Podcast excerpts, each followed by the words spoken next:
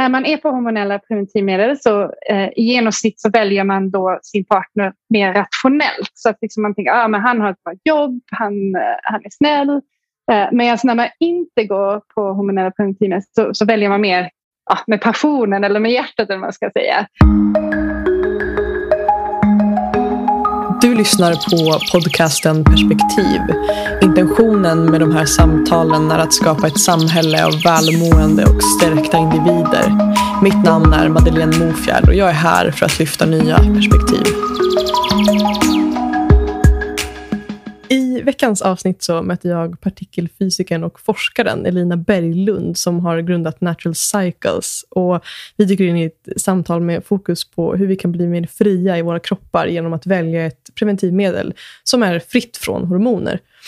Och eh, jag måste också säga det att aldrig har väl ett samtal känts så aktuellt och högst relevant som just det här samtalet i just den här tiden som vi just nu befinner oss i det har inte undgått många tror jag att eh, vi nu befinner oss i ett läge där högsta domstolen i USA har bara för några veckor sedan bestämt att aborträtten inte längre är grundlagsskyddad. Och det här innebär ju också, som många av er vet, då, att varje delstat nu får bestämma själva över huruvida de vill tillåta abort eller inte. Och det som man redan nu kan se är att över 34 delstater på en gång kommer att förbjuda abort. Och ja, men, utifrån det här så har det ju aldrig varit viktigare, tänker jag, att vi kvinnor får rätten att lära känna våra kroppar och hitta de medel som finns för att behålla kontrollen och friheten på, på de sätt som går, helt enkelt, över våra egna kroppar. Så jag tänker att det här samtalet är ett bidrag i konversationen om hur vi kvinnor kan lära känna våra kroppar för att just undvika oönskade graviditeter. Och I det här samtalet så pratar vi bland annat då om hur vi kan lära känna signalerna från våra egna kroppar för att just undvika oönskade, oönskade graviditeter. Eller också faktiskt planera för en önskad graviditet. Vi pratar också om hur vi kan anpassa vår vardag och vårt liv utifrån den kvinnliga hormoncykeln och vad det kan innebära. Vi pratar också om hur hormonella preventivmedel förändrar vår syn på omvärlden och på oss själva när vi intar dem.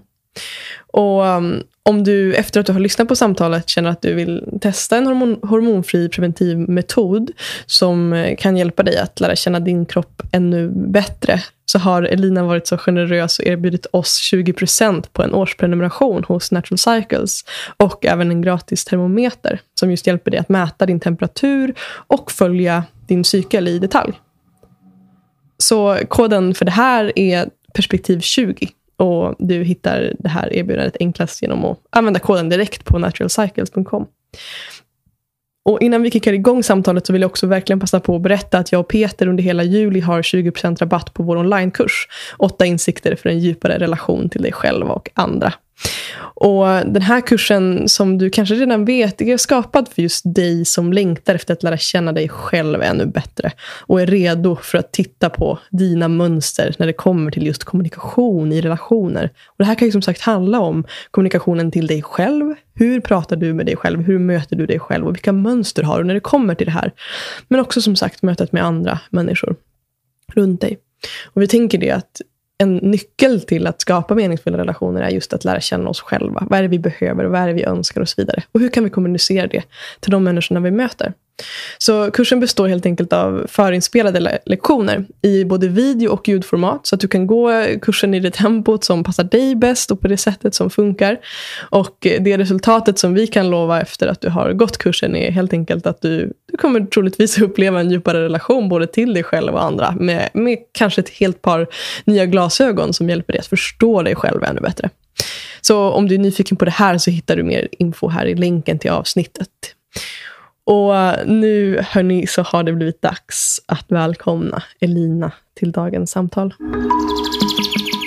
Hej och välkommen Elina Berglund till podden Perspektiv. Hej Madeleine, tack för att jag fick vara med. Ja, men det, det här känns ju väldigt spännande och kul ska jag säga.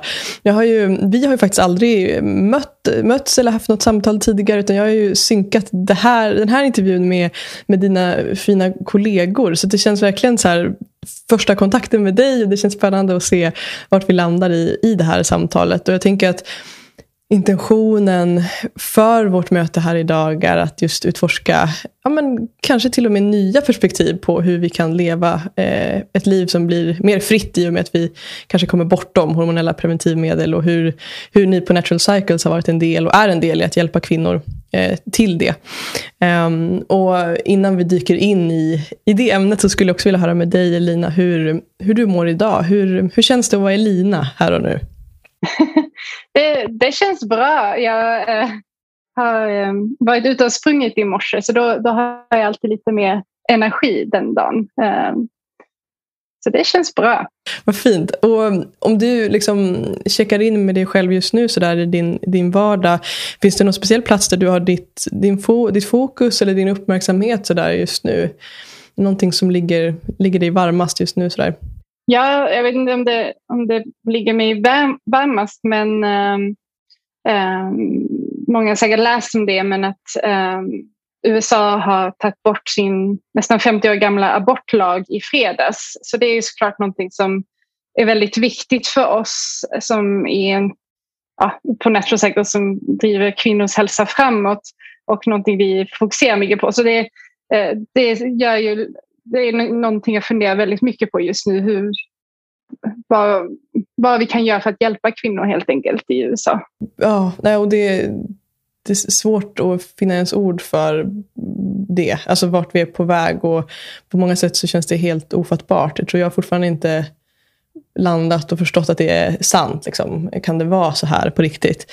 Um, och, ja, och jag, för jag har förstått också att ni har mycket av era, eller liksom, eh, mycket av era kunder också befinner sig i USA. Stämmer det? Ja, det är vår största marknad. Så, så ja. Hur är det, märker ni någonting, jag tänker i samtal med, med era liksom kunder och så vidare och, och de kvinnor som ni hjälper där nere. Har ni märkt någonting sådär i, i, i samtalet med dem kring vad det här har väckt i kvinnorna där nere? Liksom? Ja, det är väldigt mycket frågor om, om allt möjligt som, som vi såklart försöker eh, svara så bra som möjligt. Men eh, allting är ju väldigt nytt så eh, vi kan inte veta allting heller än. Um, för, för, vad som händer nu är att varje stat får bestämma själva hur de vill sätta lagen om abort. Så att det kommer nog bli så att i vissa stater så blir det lagligt och i vissa stater blir det olagligt. Um, och då på olika nivåer. Så att det, det, är mycket som, det är mycket ovisshet fortfarande. Uh, så det är ibland svårt att kunna besvara alla frågorna som vi får in. Jag tänker också, alltså för er, du får rätta mig här också sen nu när jag formulerar er mission och sådär, att jag kanske inte använder just rätt ord som ni, ni använder i det, men jag tänker att det jag har snappat upp också av er vision och, och liksom syftet med Natural Cycles också att bidra till att hjälpa, alltså på något sätt så hänger det ihop också med det här att ha, ha friheten att bestämma över våra egna, egna kroppar. Liksom. Eh, och där tänker jag att, att jag, jag kan förstå då att det här väcker så liksom, så mycket också i relation till ert, ert syfte. Liksom. På något sätt så blir det här beslutet verkligen att det raserar friheten. Vad, vad har det liksom väckt i dig så personligen? Ja, nej, du har helt rätt. Eh, för vår, vår mission är ju att, att driva innovation inom kvinnors hälsa framåt med forskning och passion genom att stärka varje kvinna med den kunskap hon behöver för att ta kontroll över sin hälsa. Och det här är ju verkligen tvärtom eh, Um, så vi, um, vi känner väldigt starkt för det för våra användare men också för alla kvinnor generellt eh, och kvinnors hälsa överlag och um, försöker då hitta lösningar för vi är ändå väldigt pragmatiska. Så vi, vi, till exempel så jobbar vi på att ha ett, ett anonymt läge i vår app så att inte ens vi kan identifiera vem en användare är. För att om vi inte kan veta vem hon är och, hon, um, och vi ser i hennes data att, att hon blir gravid och det är någonting som vi behöver se för att vi, um, vi är en reglerad medicinteknisk produkt så vi behöver följa upp angående graviditeter etc. Men om vi då inte vet vem hon är då spelar ingen roll hur, om vi blir hackade eller om amerikanska staten stämmer oss och försöker få data från oss om vi inte kan identifiera en användare så kan ingen annan det heller. Så att det kan bidra till just den tryggheten, liksom? att fortfarande ja, få ha kontrollen över sina egna val. Ja. Mm. Ja, men det, och jag tänker det här är ett, ett helt ämne för sig också som vi skulle kunna prata länge om. Och jag tänker att för att hålla ändå fokus på det vi kanske också, du och jag i det här samtalet kan bidra med, så tänker jag att just, just det vi är inne på och ska lägga fokus på det här samtalet, att lyfta nya perspektiv kring hur vi kvinnor kan bli mer fria genom att ta, ta, ta kontrollen över vår, vår hälsa. Och, och nu riktar vi oss här till liksom, kvinnor i Sverige. Jag tänker att ja, det på något sätt får bli dagens sätt att bidra till att, att öka medvetenheten om vad vi kan göra för att ta ansvar och ta kontrollen och liksom, ja, eh, behålla friheten så i våra kroppar här i det lilla i Sverige, i det vi har här och nu. Ja. Um, mm.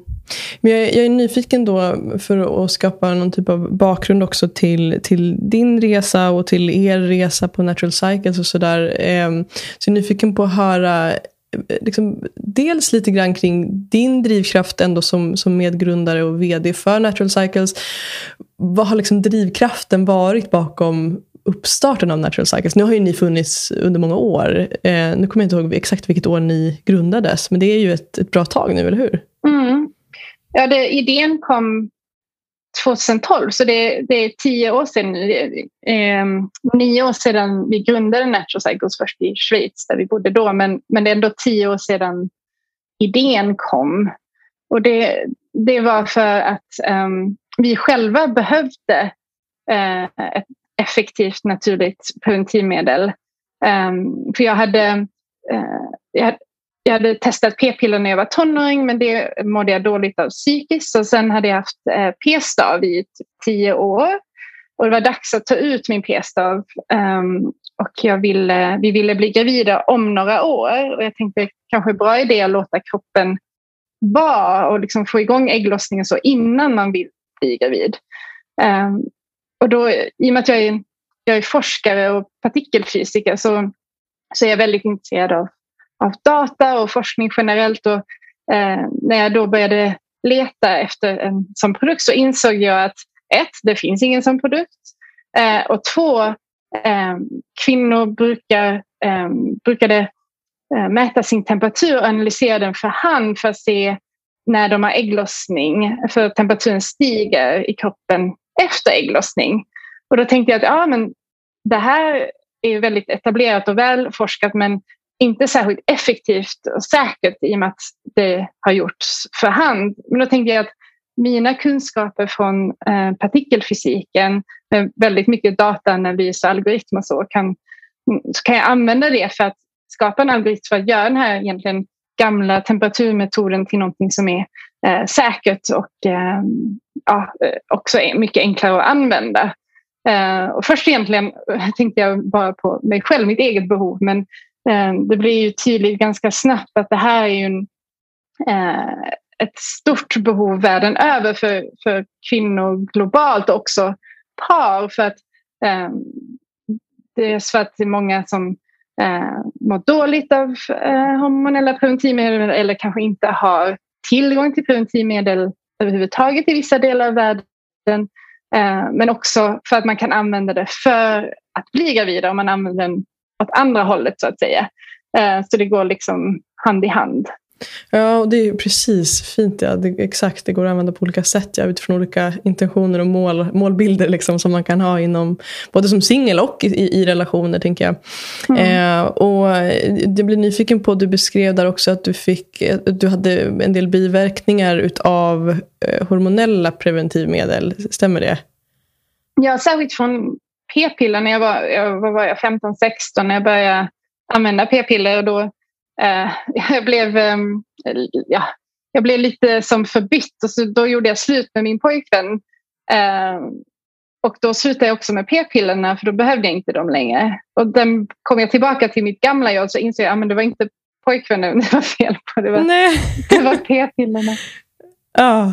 Och det, det tänker jag, det, det, det, där är du inte ensam om att, att, berätta den, den berättelsen liksom, om att p-piller eller, eller hormonspiraler eller vad det nu än eh, kan tänkas vara påverkar kvinnor, inklusive mig själv. Jag har också upplevt att jag, jag hade en hormonspiral under många år och när jag tog ut den så, så var det som att jag någonstans fick livet tillbaka. Att jag blev mer, kom mer i kontakt med mina känslor. Jag fick tillgång till flera liksom, aspekter av mig själv.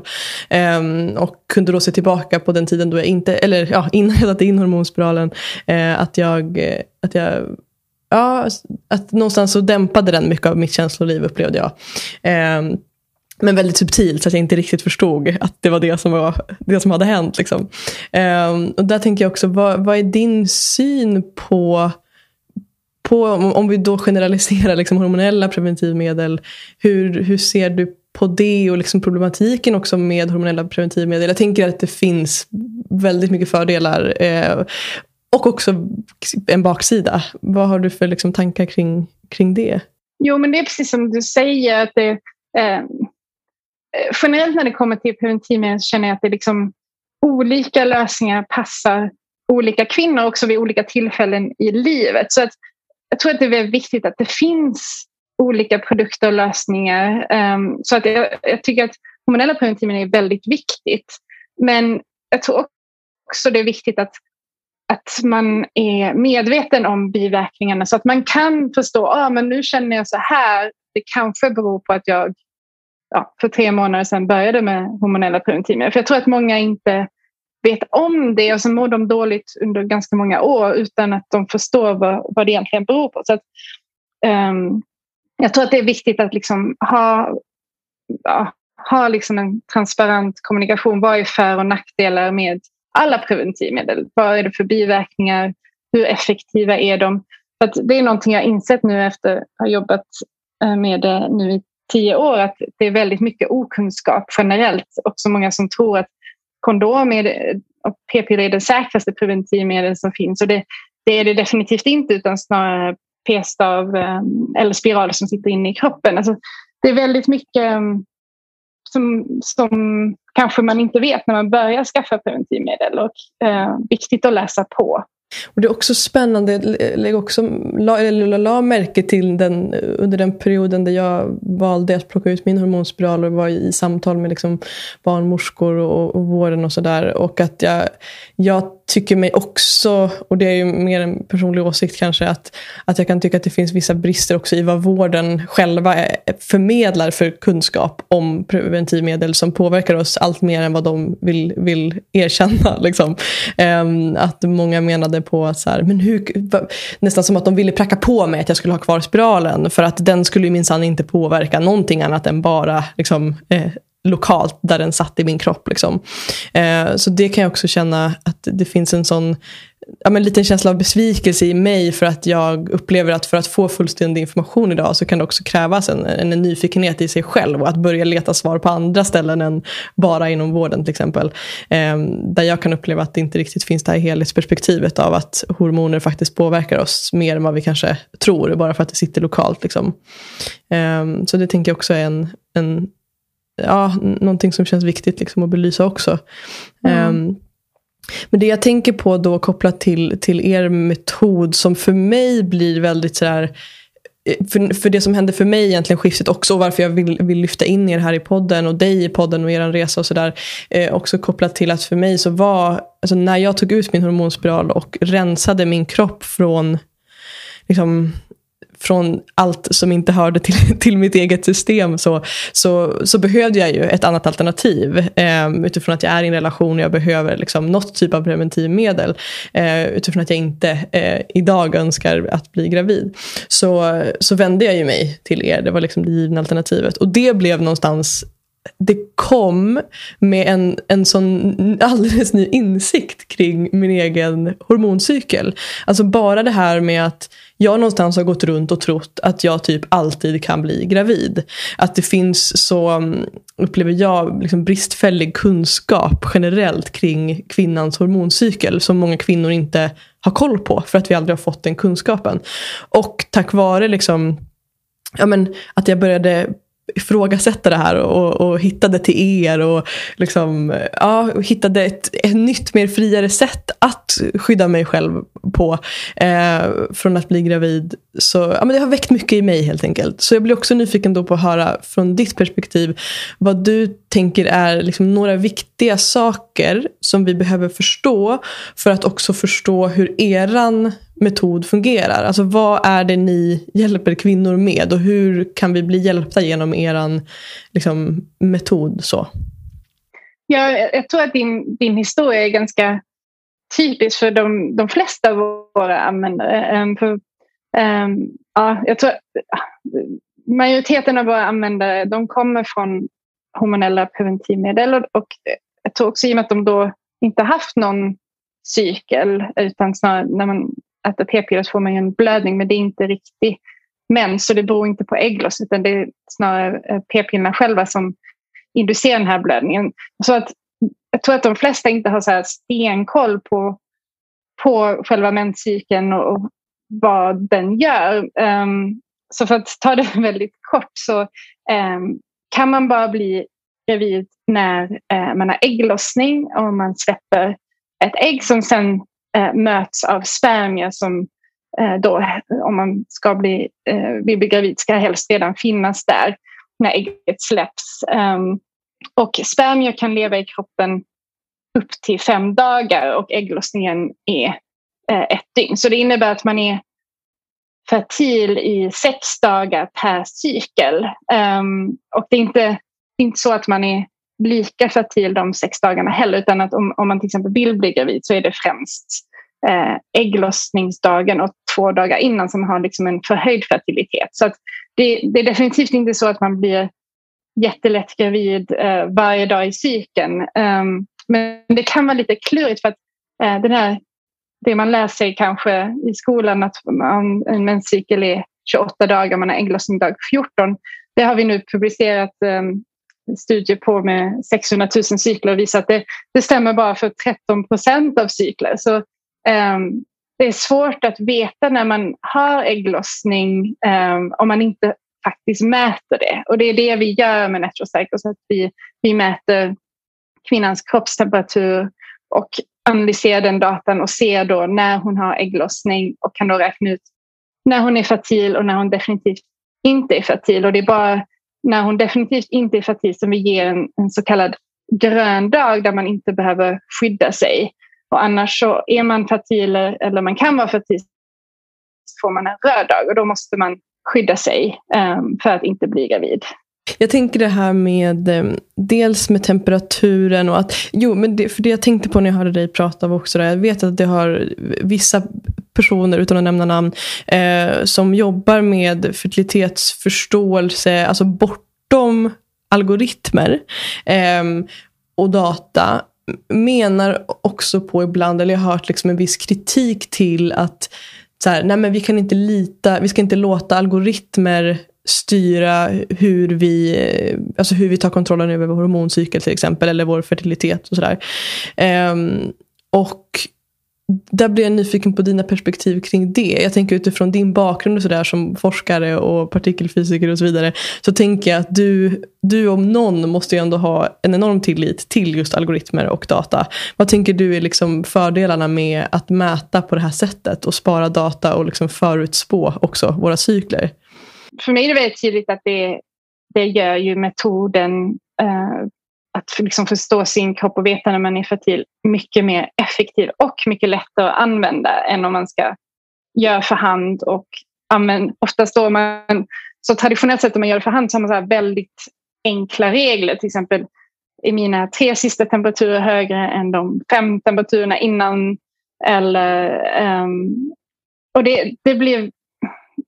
Det, det finns studier på det som visar att, att det inte är ett effektivt sätt som preventivmetod. För att det går väldigt ofta fel. För temperaturen fluktuerar på grund av olika saker som ja, hur man sover, hur mycket alkohol man dricker, eh, sådana saker. Så det är därför det behövs en algoritm. Men algoritmen vill ju inte, den är ju bara ett verktyg för att få bättre insikt. Den, den gör ju ingenting med kroppen, algoritmen, till skillnad från hormonella preventivmedel till exempel som, som förändrar kroppen. Eh, algoritmen är ju bara där för att hjälpa till att, att förstå någonting. Men um, den är inte invasiv på det sättet att den faktiskt tar över. Nej, precis. Som tur är. Ja. Det, det, vore, det vore lite läskigt om det var så. Tänker Nej, men, ja, och det, för, för något annat som jag tänker är spännande i det här är just alltså, hormoncykeln kopplat till och som jag också snöat in i mycket efter att jag liksom blev fri från, från hormoner på det sättet eh, är just hormoncykeln utifrån de olika faserna. Eh, och där vet jag också att i, i er metod så kan vi också eh, liksom tracka symptom, humör, eh, mående och så vidare. Vilket också är saker som jag har uppskattat med, med med er, er, er liksom preventivmetod. Så.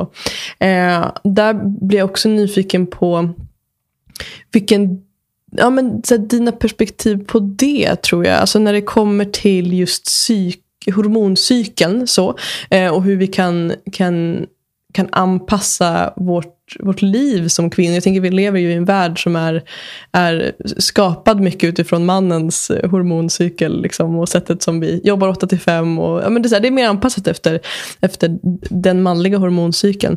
Um, så jag tänker att det finns mycket luckor där att fylla när det kommer till just kunskapen kring hur vi kvinnor fungerar.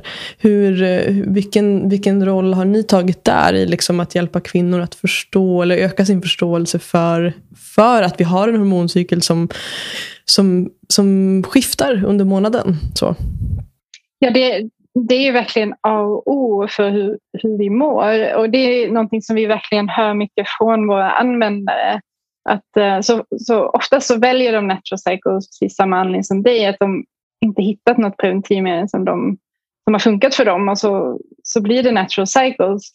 Eh, men efter de väl har börjat använda Natural Cycles och kommit in i det så, så pratar de mest om hur de känner sig att, att de verkligen har fått koll på sin kropp och de förstår hur de mår. Och, och det är också därför vi har liksom byggt de här um, featuresen i appen. Till exempel man kan ha en PMS-reminder så man får liksom en, en uh, push meddelande. Varning. Om att, uh, ja, precis. Att nu, nu kanske det känns lite PMS. Så vi får så otroligt många fina meddelanden från våra, våra användare som säger till exempel att jag satt här i soffan och grät och jag visste inte varför och då fick jag det här meddelandet.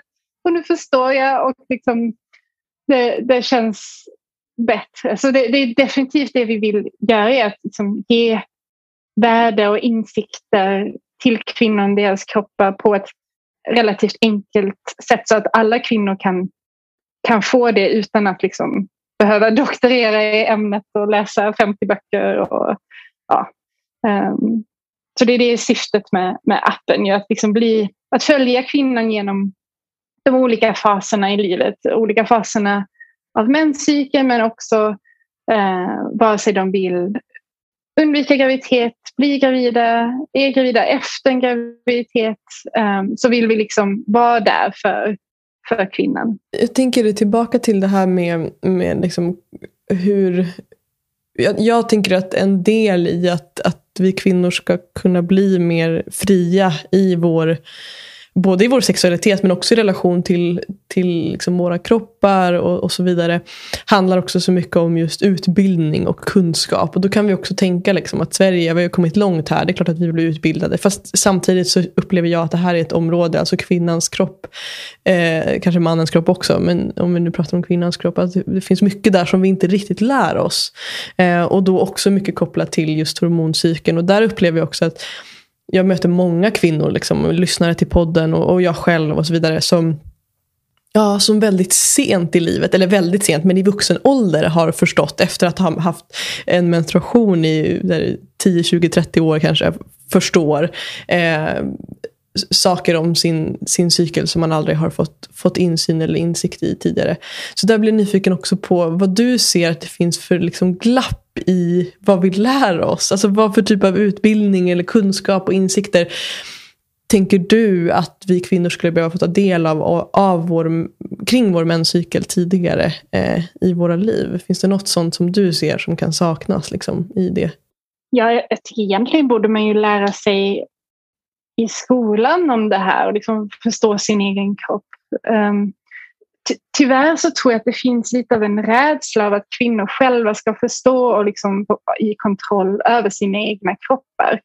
Um, liksom traditionellt sett så har det känts bättre att, att kvinnors kroppar är kontrollerade av någonting annat, till exempel p-piller, snarare än att de har kontrollen själva och liksom förståelsen själva. Men det är väldigt tydligt att um, så för att använda Natural Cycle så måste man vara 18 år.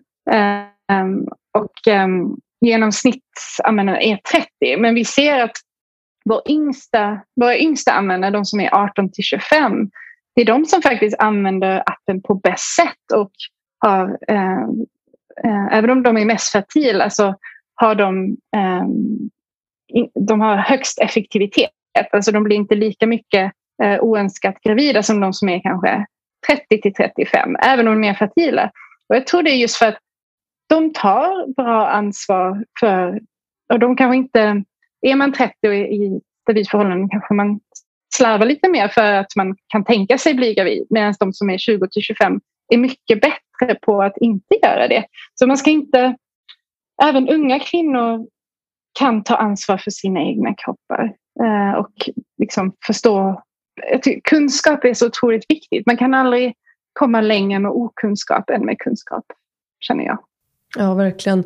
Och något jag också tänker, eller för det jag lägger märke, la märke till framförallt för när jag var i, i min resa av att, att sluta med hormonella preventivmedel och, och så vidare så delade jag också mycket av den resan både i podden och på mina sociala kanaler. Och så här. Och då var det många kvinnor som hörde av sig och ville bolla med mig kring just det här att, alltså att många har använt hormonella preventivmedel för att eh, vad ska vi säga, dämpa, alltså precis det som jag beskrev som, som nackdelen eller det som dämpade mig var ju mycket att jag blev så linjär när jag, hade på, när jag åt, eller åt gjorde jag inte, jag hade ju en hormonell eh, spiral då. Eh, att, eh, att det liksom dämpade mitt mående. Och då var det också när jag delade det väldigt mycket kvinnor som delade just en rädsla kring det. Att, att man då har använt hormonella preventivmedel under många år för att kanske vården har skrivit ut det eller gett en det för att man har haft problem med PMS till exempel eller humörsvängningar eller vad det nu kan vara. Att man då helt enkelt använt hormoner som ett sätt att liksom bli mer balanserad typ. Och där tänker jag också att det eh, att det, att det i mitt huvud då finns det skulle behöva lyftas mer, tänker jag, det här perspektivet av att vår, vi har en hormoncykel som på många sätt är där för oss. Alltså att de här olika faserna vi går igenom i cykeln, till exempel den fasen precis innan mens, där många kanske upplever symptom av, av liksom, ja, men PMS, vad det nu än må vara för varje individ. Eh, att det också på något sätt är där för oss. Att det kan hjälpa oss att förstå oss själva bättre. Att, det kan, att hormoncykeln liksom inte är, den är inte ond, den är inte elak, den vill oss inte illa. Liksom. Ehm, men att, att vi ofta då när vi kanske går till vården och, och söker hjälp för det här blir tillsagda att eh, ta de här läkemedlen, ta de här p-pillerna så blir du av med det här. Vilket också på många sätt kanske skapar skräck i kvinnor för sin egen kropp. Att, att det som egentligen är vår natur är det som vi blir tillsagda att dämpa. Liksom. Um, hur tänker du kring det? Eller vad väcker det i dig när jag delar det? Liksom? Jo, jag, jag har ju såklart hört jättemånga eh, sådana historier från, från kvinnor om att ja, av olika anledningar fick de p-piller liknande utskrivna väldigt tidigt av någon anledning som kanske kan vara bättre att liksom låta kroppen vara lite grann, särskilt när man är väldigt ung. Um, och samtidigt så har jag också en känsla av att det, som, det här har jag inte gjort någon vetenskaplig studie på utan det är snarare eh, bara från att ha lyssnat på kvinnor. Men jag har en känsla av att de som är väldigt känsliga mot kroppens naturliga progesteron och därför har PMS de är också känsliga för, för um, um, de hormoner som finns i, i eh, preventivmedel. Så att då får man ju dem hela cykeln och kanske mår dåligt hela cykeln snarare än att man mår dåligt uh, bara innan mens. Just för att man har liksom högre hormonnivåer då hela tiden istället. Så att det kanske inte nödvändigtvis en bra lösning uh, mot PMS för de flesta. Du nämner också progesteron och jag lägger märke till att vi egentligen inte har liksom gått in på just det här. Skulle inte du kunna ta, om du vill förstås, en, en liksom genomgång på det här? Alltså vad, vad är progesteron? Vad händer under cykeln liksom med våra hormonnivåer? Är det någonting som du vill dela med dig av?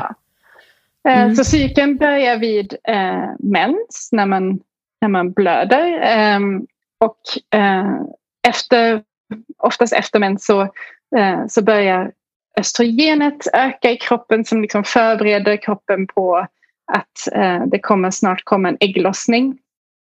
Och det är också då ofta man, eh, vi ser att eh, sexualdriften blir högre eh, när östrogenet ökar och precis innan ägglossning. Och det är också någonting som vi får väldigt mycket feedback på att ah, jag har inte haft någon, någon, eh, någon libido på tio år men nu kan jag inte, ja. kan inte styra det. Um, och sen um, precis innan ägglossning så kommer ett annat hormon som uh, heter um, på engelska i alla fall luteinizing hormon som är det man mäter med ägglossningstest. Om man eh, kissar på de här stickorna. Och det är då, när den ökar så är man väldigt nära ägglossning, kanske en eller två dagar innan. Det är då man är som mest fertil. Eh, så det, de är väldigt bra för att se eh, om man då vill pricka in om man vill bli gravid. Ehm, och Natural säger också till vilka dagar man ska ta ett ägglossningstest beroende på kvinnans eh, cykel och ägglossning som man inte behöver ta så många om, om man vill ta ägglossningstest. Och sen efter att ägglossningen sker eh, så ökas eh, progesteronet i kroppen. Och det är det eh, hormonet som då värmer kroppen som gör att temperaturen ökar. Men det är också det som gör att man eh, eh vissa då får till exempel PMS eh, och känner sig lite nere i den vad som kallas för lutealfasen vilket är mellan ägglossning och mens och follikulärfasen är den fasen mellan mens och ägglossning. Eh, men man kan också få andra symptom, till exempel spända bröst. Ehm, Eh, ja, olika människor har olika symptom på det höga progesteronet. Och sen kommer mensen igen vilket är att um, uh, vad heter det? The uterine lining, alltså jag kommer inte ihåg vad det heter på svenska, uh, sköljs ut av, av mensen. Uh, och sen börjar allting om på nytt. Och så går det på liksom. Ja. Ja. ja. ja men, och jag, jag, tänker igen det här med när du beskriver om, om, om um, eh, progesteronvärdet där och hur vi då kan uppleva under den fasen innan mens att saker och ting kanske blir lite mer komplicerat, jobbigt, utmanande och så vidare. Eh, vi kanske gråter lite mer, eh, ja, det blir kämpigare liksom, för många, eh, inte för alla ska jag säga, men för många. Ehm, och att det där, jag tänker, eller jag kände något behov av att dela det också utifrån att jag tror att många har en bild av att det ja, men så här, den här kommentaren som jag hör många kvinnor göra. Åh gud, tänk om jag bara inte hade min cykel. Gud, alltså, att det vore så mycket enklare om vi inte behövde ha den här PMS-fasen för att vi skulle slippa allt det där jobbiga. Liksom. Eh, men något jag upplevt också själv i relation till min cykel och ju mer jag har förstått min egen cykel och de här olika faserna har också varit att, att förstå att bara genom att förstå att, att, att min liksom lutealfasen, PMS-fasen, vad vi nu vill kalla det, den någonstans genom att först- få förståelse för att den fasen är där och vad som faktiskt händer i kroppen så kan jag också liksom någonstans sluta fred med, med den veckan, de dagarna, de stunderna då det känns jobbigt. Att jag inte behöver gå Eh, liksom, jag behöver inte kämpa mot det. Det kanske handlar mer om att anpassa de dagarna. Okej, okay, vad kan jag göra nu för att underlätta för mig själv? Jag kanske inte ska boka in tio möten per dag just nu. Jag kanske ska tillåta mig själv att vara mer hemma. Jag kanske ska tillåta mig själv att ligga lite längre under täcket på morgonen. Vad det nu än kan vara som hjälper mig under den här fasen. Liksom. Um, och Ja, så det, det tänker jag är, är någonting som jag också ville skicka med till den som lyssnar. Liksom att, att um, ja, att, precis som, som kvinnan som hade hört, hört av sig till, till er där om det här med pushnotisen, att få, få ett litet pling i mobilen, liksom, att varning, för, varning för, för PMS eller du kanske kan, kan uppleva sådana symptom. Att det kan hjälpa oss att förstå att vi behöver inte ifrågasätta eller hitta anledningar till att vi känner oss mer sköra eller sårbara eller vad det nu kan vara. Att det finns, det finns en förklaring till det helt enkelt. Um, och jag, jag, blir också nyfiken på, jag tänker eh, ditt liv som liksom högpresterande affärskvinna och, och grundare av, av Natural Cycle så kan jag tänka mig i alla fall att du har mycket på, på din agenda och ett högt tempo. Nu vet jag inte om det är så, men det var i alla fall min, min bild av hur det ser ut för dig i ditt liv. Och då blir jag också nyfiken på hur du som affärskvinna anpassar ditt liv utifrån din cykel. Finns det några sådär konkreta exempel eller tips som du vill dela med dig till de kvinnor som också driver bolag eller jobbar eller vad det nu än må vara som Ja, hur, hur gör du för att anpassa din vardag och liksom ditt arbete till just cykeln och de olika faserna? Eh, så jag, jag definitivt um, ofta högt tempo. Uh, däremot så har jag turen att jag inte har så mycket PMS. Uh, eh, jag, liksom, jag, jag använder ju appen själv och loggar när jag liksom känner mig ibland att allting känns väldigt tungt. Men jag inser att det oftast inte har med cykeln att göra för mig. Och det är ju såklart också väldigt individuellt. Um, så det är skönt. Men andra saker jag märker, jag, jag är definitivt en av de som har högre libido innan äggloss. Mm. så det, um, det märker jag väldigt tydligt. Um, jag också, en sak jag har insett också efter två graviditeter och barn är att jag jag har en tendens att få låga järnvärden. Så det, det, ehm, och det märker jag att då blir jag väldigt trött. Så då är jag noga med att um, kanske äta lite extra uh, spenat och broccoli eller också ta järntabletter uh, som jag eh, uh, to tog under graviditeten men sen fortsatt varje gång jag känner att ah, men nu känner jag, jag liksom lärt mig känna när mina järnvärden är för låga. Att jag blir liksom väldigt så här, dåsig. Och då äter jag mer järn till exempel. Jag blöder ganska mycket ehm, så det kanske har med det att göra. Är det någonting som du har liksom testat eller är det mer så att du själv alltså att du har känt in det och, och märkt att det gör skillnad? Um, så jag, jag, märkte det när jag var ganska ung. Um, men sen, var liksom, sen hade jag ju den fasen när jag hade p-stav i tio år och uh, inte, inte blödde så mycket. Så då hade jag inte det problemet heller och glömde bort det. Men sen när jag blev gravid då mäter man järnvärdet kontinuerligt och jag fick väldigt, väldigt låga järnvärden. Och då märkte jag också att jag fick så här, huvudvärk, bli jättetrött, eh, svårt att liksom prestera någonting. Och så märkte jag också att om jag då gjorde någonting så enkelt som att bara äta järntabletter, att jag mådde genast bra. Så då under, under min andra graviditet så märkte jag väldigt tydligt att ah, nu behöver jag äta lite högre järndos eh, när jag liksom kände så. Och nu efter graviditeten så märker jag igen, liksom, ah, okay, nu, nu behöver jag inte alls lika eh, mycket järn som när jag var gravid för då producerar ju kroppen väldigt mycket extra blod. Um, men ändå att jag märker ibland att jag fortfarande behöver lite extra järn. Är det någonting som du tar då i relation till mensen eller kan det vara när som helst under cykeln? Jo, men jag försökte tänka på det extra mycket vid, så här, innan och under mens. Att att jag tar järntabletter då. Mm. Jag är bara nyfiken på hur, hur du har lagt upp det. Jag tänker det är viktigt för många att höra också att det kan finnas olika, olika orsaker till olika typer av, av måenden. Liksom.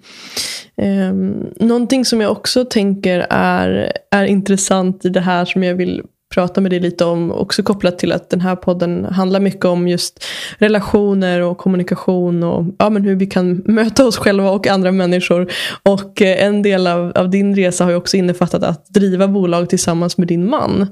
Um, och det tänker jag är någonting som jag skulle vilja höra lite grann om hur, ehm, ja, men hur den resan har sett ut. Hur, hur, jag tänker där i grundandet, har det liksom alltid varit självklart för er så att så det här ska vi göra tillsammans? Eller hur såg det beslutet ut till en början där när ni valde att starta upp?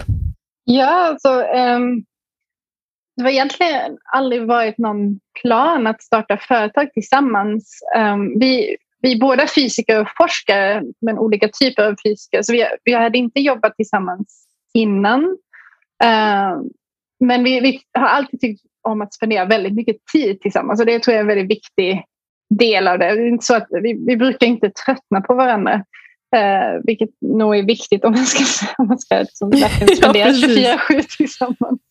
Ja. Uh, men um, men min man han, han har alltid velat bli entreprenör och driva företag. Så han liksom har haft alla möjliga idéer genom åren som jag så här, typ, halvt lyssnat på. Liksom. Alltså, många idéer tyckte jag var ganska tokiga. Han ville göra någon slags äh, väldigt så här, fashionabel rullstol till exempel. Mm. Um, du bara var, yes, nu kör vi. jag bara, ja, ja, det är säkert bra, men jag behöver inte göra det. Um, men när det kommer till, till just den här idén så, så jag hade aldrig planerat att starta företag själv. Men jag insåg ju, jag kände att det här är någonting jag måste göra. Det här är någonting som verkligen är en produkt som måste finnas på marknaden och det är någonting som jag kan utveckla själv och liksom med mina kunskaper. Eh, så det var snarare, för mig var det passionen för just produkten och Natural Cycles eh, tillsammans med hans passion att, att faktiskt Eh, driva bolag som tillsammans blev att vi gjorde det tillsammans. Men det är inte som att vi riktigt någonsin diskuterade det att vi skulle göra det. Det bara liksom blev så. Eh, och nu har det ju gått tio år så eh, det har funkat väldigt, väldigt bra. Särskilt nu skulle jag säga under coviden att när vi började jobba hemifrån och så så kände jag att, jag, att vilken tur att jag, att jag har honom alltså, fortfarande sitter bredvid. Det måste känna sig ganska ensamt för många där ute som kanske eh, sitter liksom helt ensamma hemma. Eh, så då, så vi har, vi har trivs bra att jobba eh, ännu närmare under coviden. Ja. Ja men det är fint, ni har fått skapa ert eget lilla coworking space där hemma. Ja, Kontorshotell liksom. Ja vad roligt. Ja men vad fint. Men skulle du kunna säga, liksom, finns det några saker sådär som har varit utmanande eller någonting som ni har känt så här, det här har varit vår utmaning i den här resan? Alltså, eller har det bara varit, liksom, nej men det här har bara stärkt oss som par? Eller finns det någonting som har varit utmanande i resan? Ja, vi har haft, um, det var en fas där eh, när vi fortfarande var i, i Stockholm och på Stockholmskontoret och vi var ganska eh, många på Stockholmskontoret och han satt på ena sidan kontoret, jag satt på andra sidan. Vi hade aldrig de möte tillsammans för det var liksom inte hur vi kände att vi ville spendera vår tid, eh, snarare eh, att vi borde möta, jag hade massa möten med alla andra. Och sen när vi väl kom hem sent på kvällen och var väldigt trötta, då skulle vi liksom aligna och söka liksom, prata om jobb. Och det ofta blir ganska...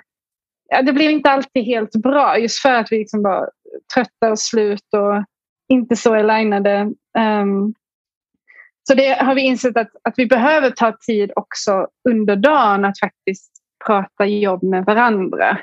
Uh, och efter den insikten så, så har det gått mycket bättre.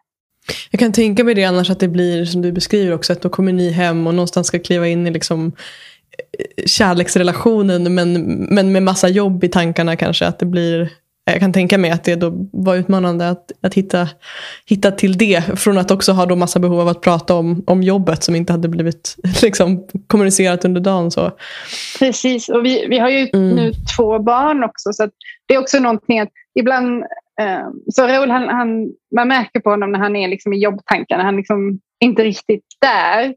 Ehm, och han är inte lika bra som jag liksom när vi är med barnen. Att liksom, jag är ganska duktig på att stänga bort det. Eller snarare barnen, de, mm. de låter mig inte tänka på Nej. Ehm, men han, han gör fortfarande det. Och då helt plötsligt kommer det någon fråga mitt i och försöker liksom måla någonting med ena handen och ge mat till den andra handen. Men då säger jag, vi kan inte prata om det nu. Eh, vi får prata om det sen. Eh, och då, då förstår han det. Så, så liksom, att inte prata jobb när, när vi är med barnen eller sent på kvällen eh, ja, är viktigt. Har det, kan du se någonting som har varit liksom verkligen era, så här, nu har du beskrivit lite redan, men era liksom, på, på vilka sätt det har bidragit positivt till er relation att ni har jobbat tillsammans? För Jag tror också att många människor, för jag vet jag jobbar själv tillsammans med min partner och eh, vi får ofta också frågan så här, ja, men hur klarar ni det? Liksom? Hur funkar det? Som om det, alltså lite som att frågan kommer ifrån att det det, det tas för givet att det skulle vara ett problem. Men, men för oss har det snarare varit att det verkligen har stärkt vår relation och stärker vår relation. Att vi har en gemensam mission och vision och liksom jobbar för ett syfte tillsammans. Eh, så jag blir nyfiken på hur ni upplever det. Har det varit också så att det verkligen har, har ja, men, så tillfört mycket till er relation? Eller hur har det, har det varit? Eh, ja, det har definitivt stärkt vår relation. För vi, nu kan vi ju dela vår största passion tillsammans, vilket ju ändå är Natural Cycles. Det är ju vårt jobb men också vårt hobby som vi, all, vår, all den tid vi spenderar på det och att vi kan bygga det tillsammans har ju varit fantastiskt. Och jag tror också att det har gjort att vi verkligen har vår respekt för varandra har definitivt växt för att vi ser hur hårt den andra jobbar och vi ser hur den andra liksom lyckas med saker. Um, så det har definitivt stärkt vår relation. Fint. Ja. ja, men det kan jag relatera till. Just det där att ha ett gemensamt syfte och en, en mission. Och där tror jag det kan vara olika också för olika individer. Vad man har behov av i en relation. Och jag kan verkligen känna igen mig själv i det. Att det är en viktig del för mig. Att det blir som att relationen då fylls med fler aspekter än bara kärleken. Att det också finns någonting, alltså det finns fler lager till det som jag kan tycka blir väldigt intressant också. Um, så det är ja, fint. Jag... Ehm, jag lägger märke till att tiden eh, springer iväg här och det har redan snart gått en timme så jag tänker att vi ska börja avrunda här i lugn och ro och eh, jag skulle vilja höra med dig om det är så, jag tänker för de kvinnor och kanske några män som lyssnar, ehm, om du har några boktips till dem för de som vill liksom dyka djupare i Ja, men jag tänker kunskapen kring hormoncykeln, preventivmedel, fertilitetsförståelse och så vidare. De här ämnena som vi har touchat på. Finns det några böcker som har förändrat ditt förhållningssätt till de här temana som du skulle vilja dela med dig utav? Um, just på det här temat så uh, till exempel finns det en bra bok från eh, uh, Dr. Sarah Hill uh, som jag tror den heter Beyond Birth Control. Jag vet inte om den är, finns översatt till svenska eller ej. Ehm, men den är väldigt bra för att hon, hon är själv forskare, hon är liksom hjärnforskare. Ehm, och det tog henne själv jättelång tid att förstå hur p-piller har påverkat henne. Och hon har varit så väldigt nöjd användare med p-piller eh, i många år. Och sen, eh, och sen liksom, när hon väl slutade med det och var forskare så har hon verkligen förstått och grävt djupare i det här ämnet. Så det är en väldigt intressant bok där hon liksom, eh, beskriver forskning om hur till exempel man kanske kan välja en annan typ av partner om man äter p-piller eller hormonella preventivmedel. För att man liksom prioriterar andra delar. En, en väldigt intressant grej tyckte jag var att eh, så när man när man är på hormonella preventivmedel så eh, i genomsnitt så väljer man då sin partner mer rationellt. Så att liksom man tänker att ah, han har ett bra jobb, han, eh, han är snäll. Eh, men alltså när man inte går på hormonella preventivmedel så, så väljer man mer ah, med passionen eller med hjärtat eller man ska säga. Eh, så, så det är intressant att när man då slutar med hormonella preventivmedel, de som eh, förhållanden då som inte håller är oftast när mannen inte är särskilt attraktiv. För då, uh. då helt plötsligt spelar wow. det roll. Så det, det är uh. en intressant del. Det finns massa sådana. Eh, Jag får så rysningar när du säger det. Vad sjukt. Uh. Alltså hon, wow. hon har verkligen liksom grävt in i den forskningen och sammanställt det i den här boken på också väldigt eh, roligt sätt att läsa. Så liksom, det är inte det är ingen torr bok utan det är också väldigt spännande. Alltså, för det blir också som påminnelse tänker jag till det här att alltså hur vi blir vi blir liksom andra versioner av oss själva när vi är på hormonella preventivmedel och hur saker och ting verkligen kan, kan förändras i och med det. Så att, ja, det är jättespännande perspektiv, den vill jag definitivt läsa. Ja. Eh, jag måste rätta mig, den hette um, your, your brain on birth control. Yeah, this is your mm. brain on birth control. Yeah. Dr. Sarah Hill, ni kan, ni kan googla Dr. Sarah Hill. Så hittar mm, det säkert. Fint. Fint, tack. Finns det några andra böcker du vill dela med dig av eller täcker den det som um, du vill dela i boktips? Ja, eh, en, kanske inte så har någonting med hormonella eller med menscykelns hormoner att göra men eh, en bok som, som öppnade ögonen för mig mer från eh, professionellt kvinnoperspektiv är Lean In med Sheryl Sandberg.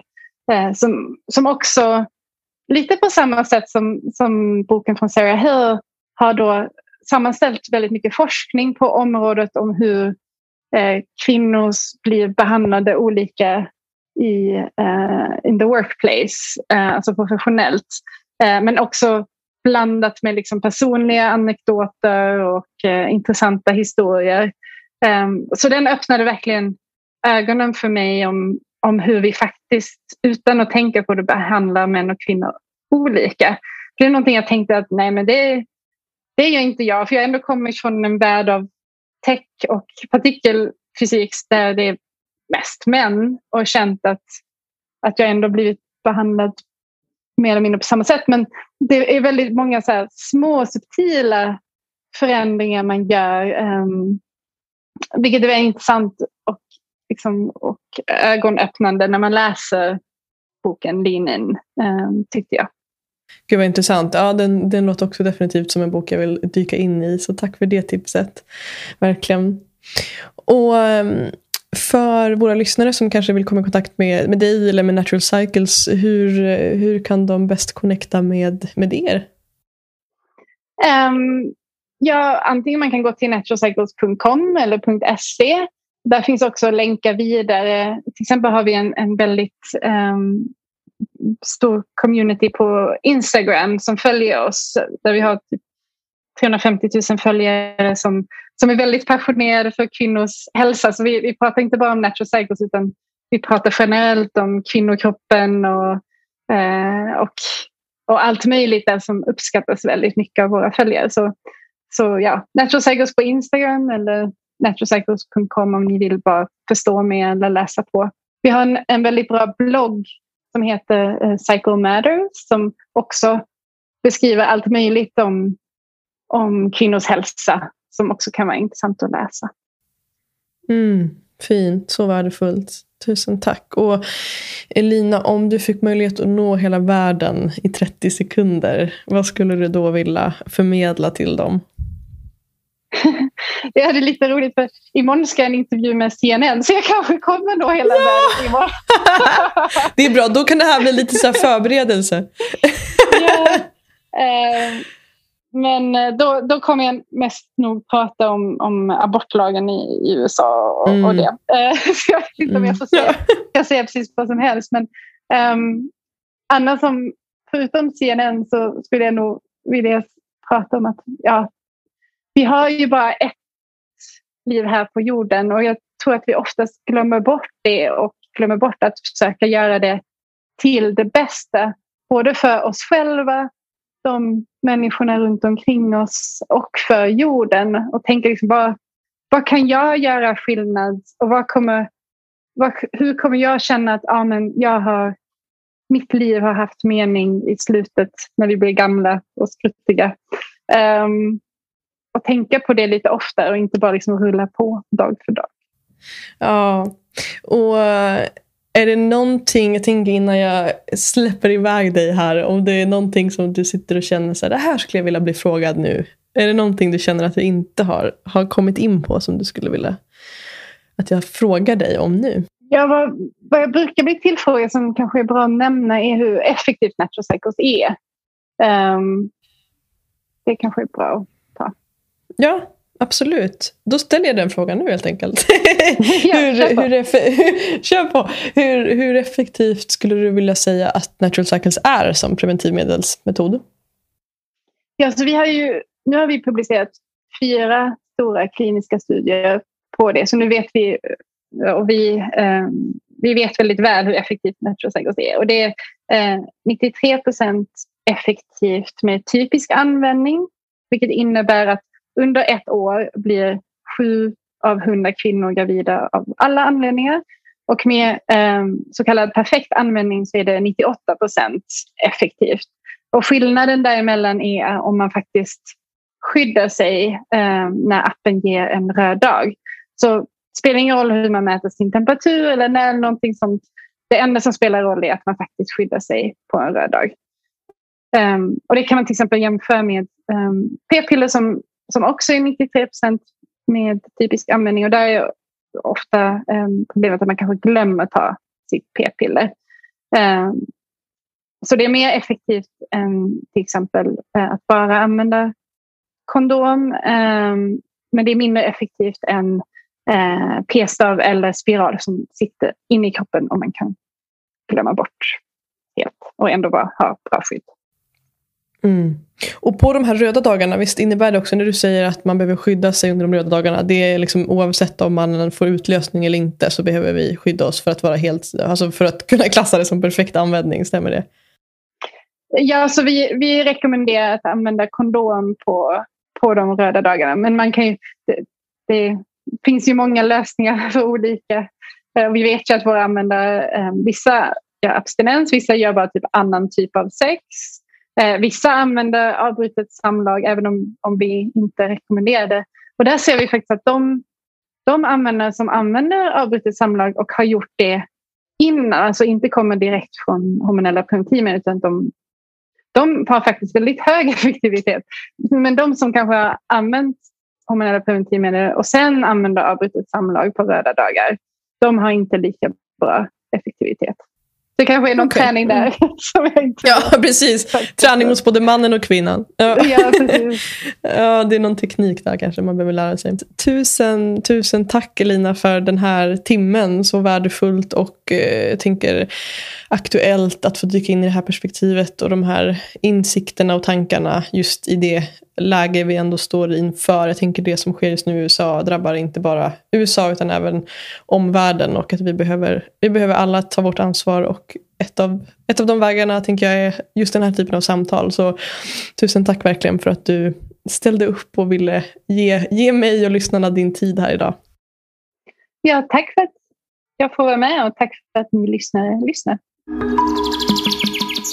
jag vill återigen passa på att påminna er också om det generösa erbjudandet som Melina ger dig som lyssnare till det här avsnittet på 20% rabatt på en årsprenumeration hos Natural Cycles och också en gratis termometer. Och eh, ja, Termometern är fantastisk för att den hjälper dig att mäta din temperatur och den möjliggör att du kan följa din cykel i detalj under månaden. Så koden för det här erbjudandet är perspektiv 20 och det enklaste är att du använder den direkt på naturalcycles.com. Tack till dig som har varit med oss i det här samtalet. Jag ser fram emot att få möta dig som lyssnar och ta del av hur det här samtalet landar i dig. Vilka tankar, insikter och kanske till och med triggers växer dig. Det skulle betyda allt om du delade med dig till mig på sociala medier. Skriv till mig eller posta på din story och tagga mig så låter vi det här samtalet leva vidare. Du hittar mig på Instagram under namnet Mofjärd utan ä och på Facebook vill jag också välkomna dig till den slutna gruppen Mofjärd Community där vi möts för att prata vidare och lära oss av varandra och, och varandras perspektiv. Du hittar länken i beskrivningen till det här samtalet. Tack igen för att du är här.